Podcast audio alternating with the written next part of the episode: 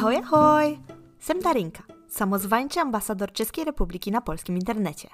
Mam nadzieję, że wróciliście po tym pierwszym podcaście, który ostatnio dodałam i że znowu chcecie mnie posłuchać, bo tak sobie teraz myślę, że w sumie to chyba jest ciekawe w podcastach, że ja sobie to teraz nagrywam i tak dalej, siedzę tu sobie sama w tym swoim mieszkanku i w sumie nie wiem, czy ktoś tego będzie słuchać, czy tak mówię w sumie do siebie nie tylko teraz, ale i potem sama sobie tego będę słuchać. No ale w sumie spoko, jakby nie ma sprawy.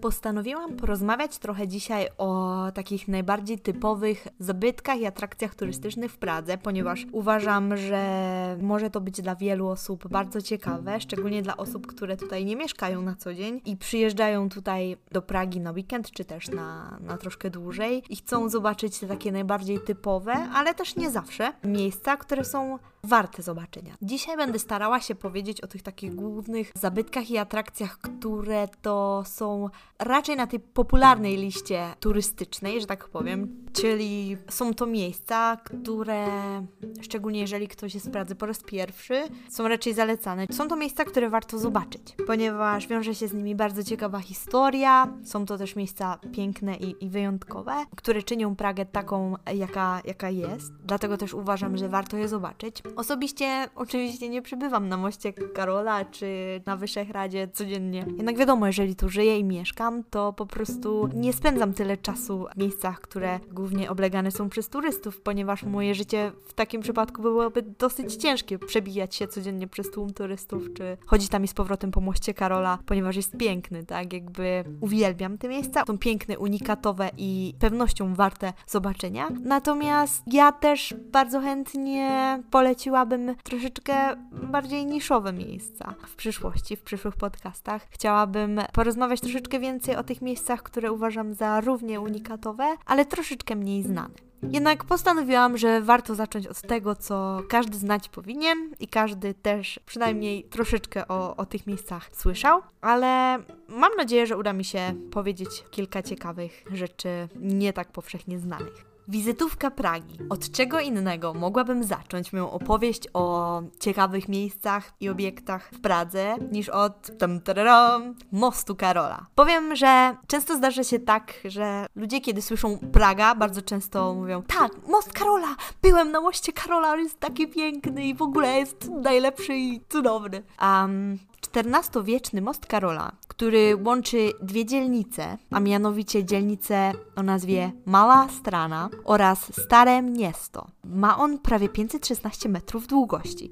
I powiem Wam szczerze, że musiałam to sprawdzić, ponieważ jakoś tak nigdy się nad tym nie zastanawiałam, ale wydaje mi się, że ciężko też było zauważyć tak naprawdę, jak długi ten most jest. Zawsze jest tam tłum ludzi i artystów i jakby nigdy nie widziałam tego, że on naprawdę jest tak długi. Początkowo ten to most właśnie był nazywany mostem kamiennym albo też praskiem. Jednak od około 1870 roku nazywany jest mostem Karola. Do XVIII wieku był jedynym mostem w Pradze na Wełtawie. Rozumiecie to? Jedyny most. Aktualnie tych mostów w Pradze jest 17, tak więc troszeczkę ich przybyło. Co prawda jeszcze daleko nam do Hamburga, ponieważ tamtych mostów jest 2300, ale uwaga, uwaga, czas na żarcik sytuacyjny. Moim ulubionym mostem w Pradze jest... Czerni most. O nie, nie mogę się śmiać z własnych żartów. Ale wracając do mostu Karola. Most ten wybudowano za panowania cesarza właśnie Karola IV. Stanął on na miejscu, w sensie nie Karol, tylko most ten stanął na miejscu wcześniejszego już mostu, mostu Judyty, który po prostu został zniszczony przez powódź w 1342. Ja nie wiem, czy te daty są ciekawe, ale wydaje mi się, że łatwiej to będzie jakoś tam sobie przedstawić i wyobrazić. Co ciekawe, na tym moście jest 30 figur i grup figur, w tym na przykład figura Jana Nepomucena, który według legendy przynosi szczęście, a którego tak nawiasem mówiąc, wrzucono do Wełtawy z rozkazu króla Wacława IV Luksemburskiego. Także trochę średnio. No ale kiedyś na tym moście odbywały się na przykład koronacje królów, turnieje, nawet egzekucje. No a teraz e, most ten jest dostępny tylko do, do ruchu pieszego, więc z pewnością zachęcam każdego do, do, do tego, żeby, żeby ten most zobaczyć. Chociaż myślę, że w zasadzie niepotrzebnie wydaje mi się, że ktokolwiek w Pradze był, to z pewnością Most Karola zobaczył jako jedną z pierwszych rzeczy. Kolejnym miejscem wartym uwagi w Pradze jest oczywiście zamek na Hradczanach, albo też nazywany Zamkiem Praskim, Praszki Hrad, um, który jest dawną siedzibą królów czeskich. Co ciekawe, według Księgi Rekordów Guinnessa jest to największy pod względem powierzchni starodawny zamek na świecie. Także wow, jest to dosyć e, imponujące. Jest to też największy zamieszkały zamek na świecie, większy niż angielski Windsor. Znajdują się tam na przykład katedra świętego Wita, bazylika świętego Jerzego, czy, czy też Złota Uliczka. Ale o tym mam nadzieję wypowiedzieć kiedyś troszeczkę więcej. Hej, E, czy lubicie Kraków? Myślę, że większość z nas w tym Krakowie kiedyś była. I jeżeli kojarzycie krakowski Kazimierz, to Praga też ma taką dzielnicę. Dzielnica ta nazywana jest Józefowem, żydowskie miasto. Jest to obszar Pragi na prawym brzegu Wełtawy, który jest właśnie dawną dzielnicą żydowską. Jest to Praga 1. Tak naprawdę historia Żydów osiedlających się w Pradze sięga około X wieku. Jest to niestety dosyć smutna historia, naznaczona krwią i łzami. Dlatego też żydowska część stolicy jest tak jakby swego rodzaju hołdem dla społeczności, ponieważ ta społeczność nieustannie musiała się zmagać z wygnaniem, niezrozumieniem i prześladowaniem. Swoją nazwę zawdzięcza Józefowi II, który to właśnie przekazał Żydom prawa obywatelskie. Co ciekawe, założone w 1906 roku Muzeum Żydowskie na tym właśnie terenie, tej właśnie dzielnicy, jest jednym z najstarszych żydowskich muzeów w Europie. Właśnie tam znajdują się liczne synagogi, jest ich sześć. Między innymi XIII-wieczna gotycka synagoga Staronowa, czy szpanielska z XIX wieku. Tak przy okazji, ta właśnie synagoga Staronowa jest też znana z legendy o Golemie. Oprócz tego jest tu też stary ratusz żydowski i stary żydowski cmentarz. Kolejną ciekawą rzeczą jest to, że w dzielnicy żydowskiej urodził się nie kto inny jak Franz Kafka, który był niemieckojęzycznym pisarzem pochodzenia żydowskiego, autor surrealistycznej powieści Proces, która została wydana pośmiertnie.